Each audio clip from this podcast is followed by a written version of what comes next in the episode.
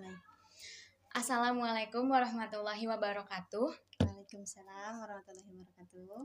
Selamat datang di Dimensi Anak episode ketiga bersama saya Raihani Azahra.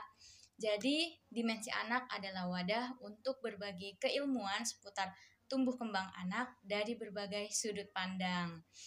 Nah, pada kesempatan kali ini, Dimensi Anak akan melakukan eh, bincang-bincang seputar terapi wicara untuk anak keterlambatan bicara, tentunya bersama narasumber yang berkompeten di bidangnya.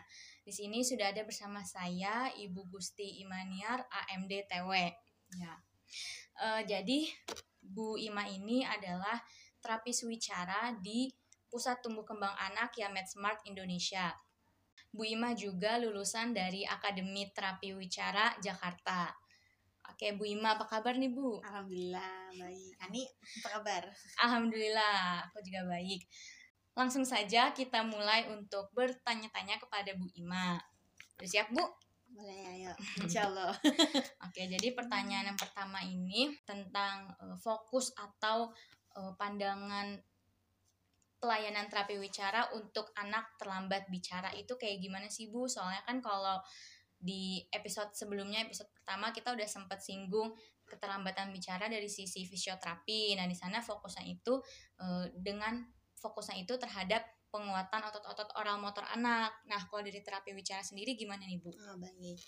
Uh, kalau dari sisi terapi wicara ya, uh, terapi wicara sendiri itu punya empat aspek untuk sampai ke goal akhir itu uh, anak dapat berkomunikasi dengan baik gitu kan.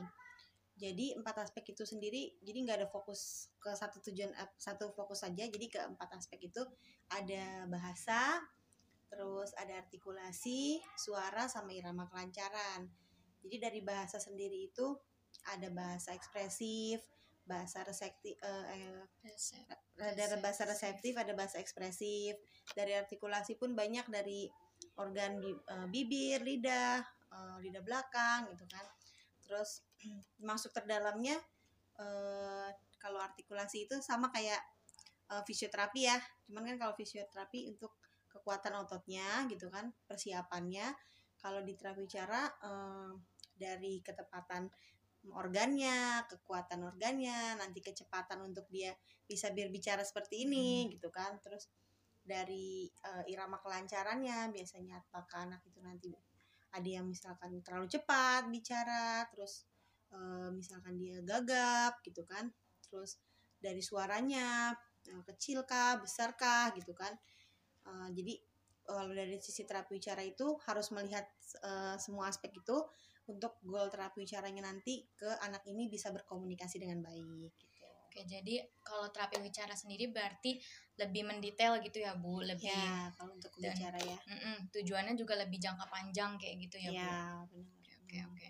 Nah, selanjutnya nih, nih Bu, di terapi bicara sendiri ada nggak sih prinsip-prinsip atau aspek yang dijadikan acuan atau diperhatikan dalam memberikan layanan terapi wicara itu sendiri?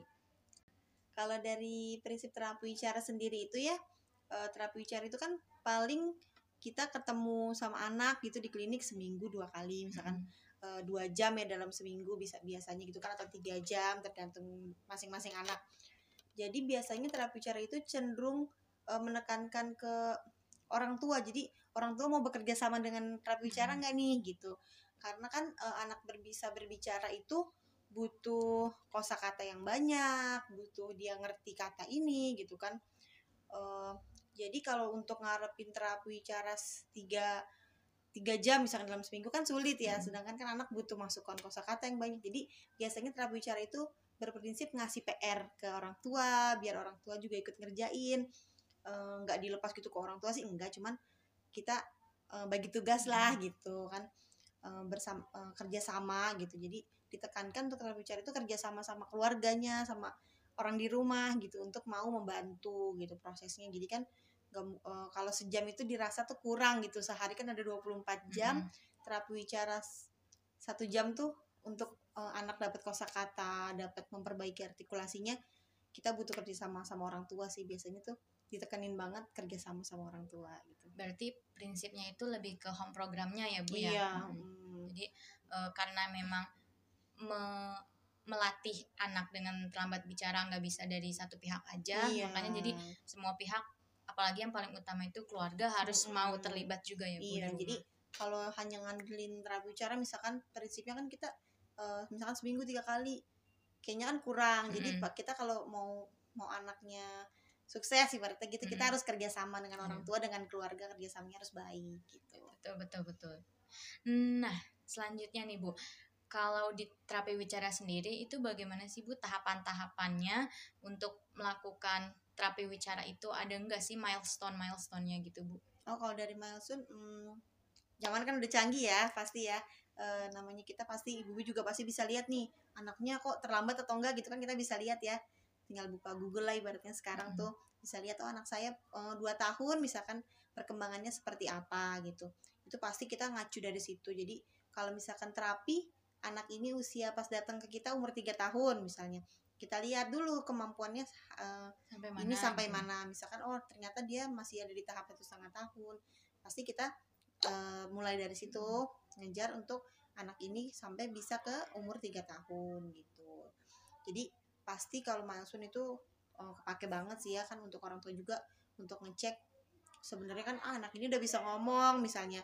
Tapi ternyata pas dilihat milestone-nya oh anak ini emang sudah bisa ngomong cuman sudah bicara bicara ini eh, di, Di tahapan usia yang- usianya hmm. masih lebih jauh di bawahnya gitu saat anak eh, tiga tahun seharusnya sudah bisa merangkai 2 sampai tiga kata tapi ternyata anak dia eh, anak ini hanya baru mengucapkan satu kata jadi sebenarnya bisa bicara cuman tidak di usianya gitu Jadi itu berarti eh, fungsinya milestone ini juga bisa untuk orang tua biar deteksi dini gitu ya Bu ya. Iya, Untuk mm. me- dalam tanda kutip mencurigai, mencurigai apa ya? Iya, ini yang anak eh, menilai terlambat gitu, nggak, terlambat gitu. nggak. Hmm, Mm. Kalau misalnya seandainya terlambat bolehlah dibawa ke terapi wicara kayak gitu ya Bu. Mm, Iya betul. Oke. Eh, terus nih Bu, eh, idealnya itu anak terlambat bicara mengikuti layanan terapi wicara itu berapa lama sih Bu? Berapa tahun atau berapa bulan gitu Bu? Kalau idealnya sih beda-beda ya tergantung setiap anak ya. Eh, anak itu eh, itu kerjasama kita sama orang tua tuh Hmm. biasanya juga gitu kan. Ini anak di rumah eh, cepet nggak perkembangannya? Kalau cepet misalnya dia kan oh, hari saat ini umurnya tiga tahun Hmm. gitu ya. Nanti eh, kita lihat kan pas di awal observasi di awal oh dia ternyata kemampuannya satu setengah tahun berarti kan kita kejar nih ternyata enam bulan kemudian misalkan sudah terkejar atau satu tahun kemudian sudah terkejar sampai satu tahun kemudian misalkan umur dia empat tahun gitu sel- oh berarti saat dia umur empat tahun sudah cukup terapi bicaranya cuman biasanya memang perlu eh, pemantauan lagi ke depannya. Enam bulan berikutnya apakah dia tetap bisa mengikuti eh, perkembangannya sesuai dengan usianya? Atau empat tahun nih nanti stuck aja nih gitu kan. Hmm. itu biasanya eh, cepat atau lambatnya terapi itu tergantung kayak Di prinsipnya. rumahnya ah, gitu di ya. rumah tuh Hmm. sama orang tua juga seperti apa.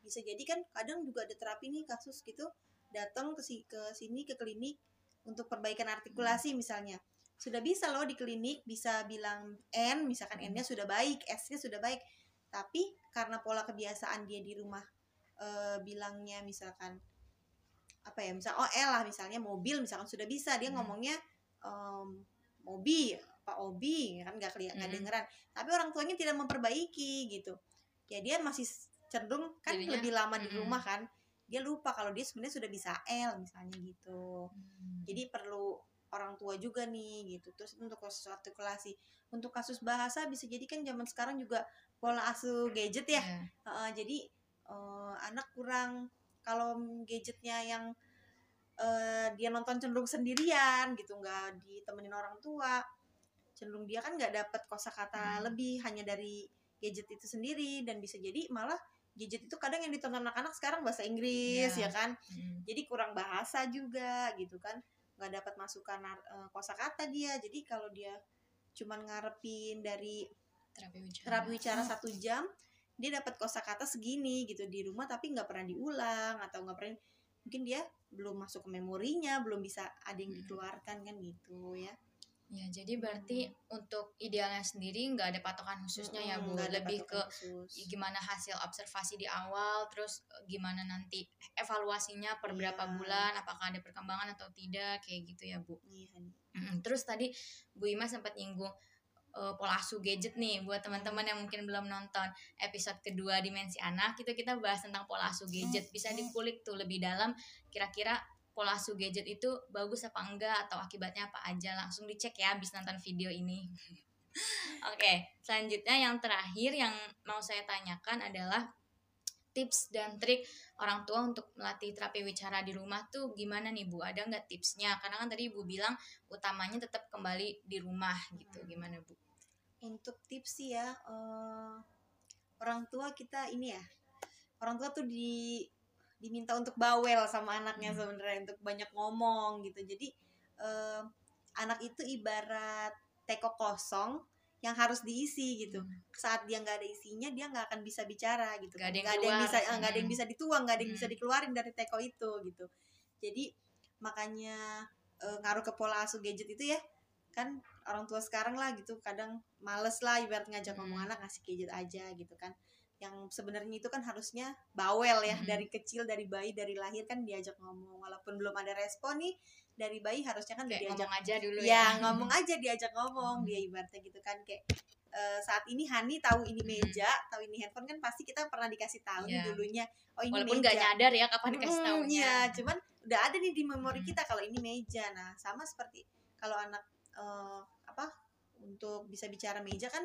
dia pasti udah pernah tahu dulu dikasih tahu dong ini meja gitu kan ini kursi ini uh, makan dia tahu oh ini namanya makan gitu kan dia perlu dikasih tahu hmm. perlu diajarin terus perlu dikasih tahu sampai ini dia punya kosakata di dalam tekonya suatu saat dia butuh dia pakai kan hmm. gitu itu baru kosakata aja ya nah, belum lagi nanti dipakainya kapan ini hmm. kata-kata hmm. ini gitu kan lo dia perlu kejadian lo dia perlu situasi, situasi. perlu ngalamin di situasi hmm. itu gitu kan. Misalkan dia cuma lihat gambar di di klinik dia tahu nih gambar ini orang sedang makan. Hmm dia tahu ditanya di klinik ini sedang apa? Sedang makan. Tapi di rumah saat dia lagi makan dia nggak dikasih gitu. tahu ini dia lagi makan. Belum tentu kan dia situasi hmm. ini dia tahu. Jadi perlu juga kan situasi di rumah dia lagi makan. Jadi orang tuanya di rumah nih buat orang tua ya kan? Nggak nggak apa-apa lah kita bawel-bawel ya. Jadi kalau dia lagi makan ya kasih tahu eh kita mau makan. Misalkan makan apa nih? Ya diajak kasih tahu. Main juga gitu jangan uh, udahlah dikasih gadget aja gitu kan. Tipsnya ya kita emang orang tua disuruh untuk banyak berbicara sama anak. Jadi uh, sambil main ya harus ditanya harus diajak bicara dikasih tahu ini apa ini apa gitu.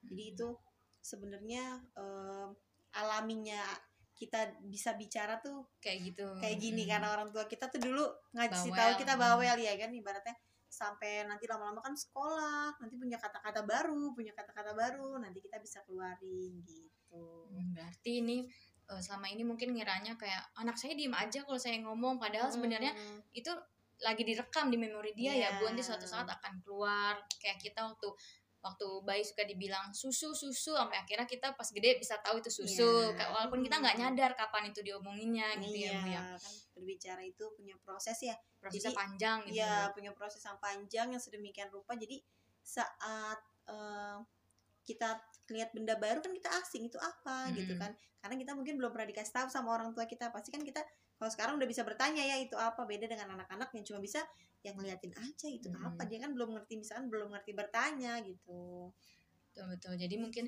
selain anak dapat kosakata juga harus diajari nih fungsinya tuh kapan dia harus ngomong itu hmm. di situasi yang bagaimana pemakaiannya juga seperti apa kalimatnya iya. kayak gitu ya mungkin dia juga kayak ibarat bisa lihat piring gitu hmm. tapi dia nggak tahu ini ya? ini untuk apa hmm. gitu terus cara cara makainya maksudnya cara mengucapkan piring itu ya kayak gimana hmm, gitu ya. makanya kita bisa seperti ini sebenarnya karena orang tua kita ya iya makanya jadi terapi wicara hmm. itu sebenarnya ya hanya hampir menjembat, ya hanya menjembatani hmm. sebenarnya uh, hampir kayak 11 12 sama kayak orang tua kalau ngomong ke anaknya sendiri iya, gitu ya bener cuman deh. ya bedanya mungkin kan ini sudah terlambat sudah mm -hmm. ada sesuatu misalkan atau kurang atensi ya kan uh, jadi ibaratnya lebih harus dikejar nih hmm, gitu kan butuh bantuan yang butuh lebih bantuan, ahli gitu ya. Iya, gitu, betul. dan mungkin untuk anak-anak yang punya problem kayak artikulasi kayak gitu-gitu bisa ditanganinya di terapi bicara juga ya, gitu. Oke teman-teman kita sudah berada di akhir pembahasan sebelum ditutup mungkin Bu Ima ada yang mau disampaikan sebagai penutup uh, jadi paling pesan aja ya pesen untuk para orang tua di rumah gitu uh, jangan sungkan-sungkan untuk banyak bicara sama anaknya gitu kan. Kalau emang zaman sekarang kan kita butuh ya butuh gadget ya maksudnya anak-anak juga pasti sulit untuk dijauhin dari gadget. Jadi kalau emang harus dikasih gadget ada waktunya ada uh, ditemenin atau bisa juga nonton episode sebelum ini. Untuk anak-anak yang terlambat bicara orang tuanya biar uh, semakin rajin mau ngajarin sabar-sabar gitu kan rajin kita emang mungkin orang tua sudah dibentuk eh, uh, seperti ini untuk banyak berbicara kepada anak gitu jadi uh, jangan, jangan pasif gitu iya ya, jangan pasif aktif. untuk oh, udahlah kasih gadget aja gitu kan karena emang uh, anak itu belajar dari keseharian bersama keluarga bersama orang tua seperti itu Oke, bagus banget nih teman-teman pembahasan hari ini. Semoga apa yang sudah disampaikan oleh Bu Ima dapat bermanfaat dan bisa diaplikasikan buat anak-anak atau saudara yang mengalami terlambat bicara mungkin bisa sambil diaplikasikan sedikit-sedikit. Kalau memang butuh bantuan profesional atau ahli, silakan datang ke pusat-pusat tumbuh kembang anak yang berada di daerah dekat rumah kalian kayak gitu. Jangan lupa untuk follow IG-nya Dimensi Anak terus juga like video-videonya di komen juga boleh terus subscribe YouTube channelnya Dimensi Anak dan satu lagi yang terakhir Dimensi Anak sudah bisa didengarkan di Spotify jadi buat kamu yang pengen dengerin Dimensi Anak bisa langsung meluncur ke Spotify-nya namanya Dimensi Anak Wah, keren banget okay. ya. Alhamdulillah. Oke, terima kasih Bu Ima untuk waktunya. Sama-sama. Sampai jumpa di episode Dimensi Anak berikutnya. Dah. Ya, sampai jumpa.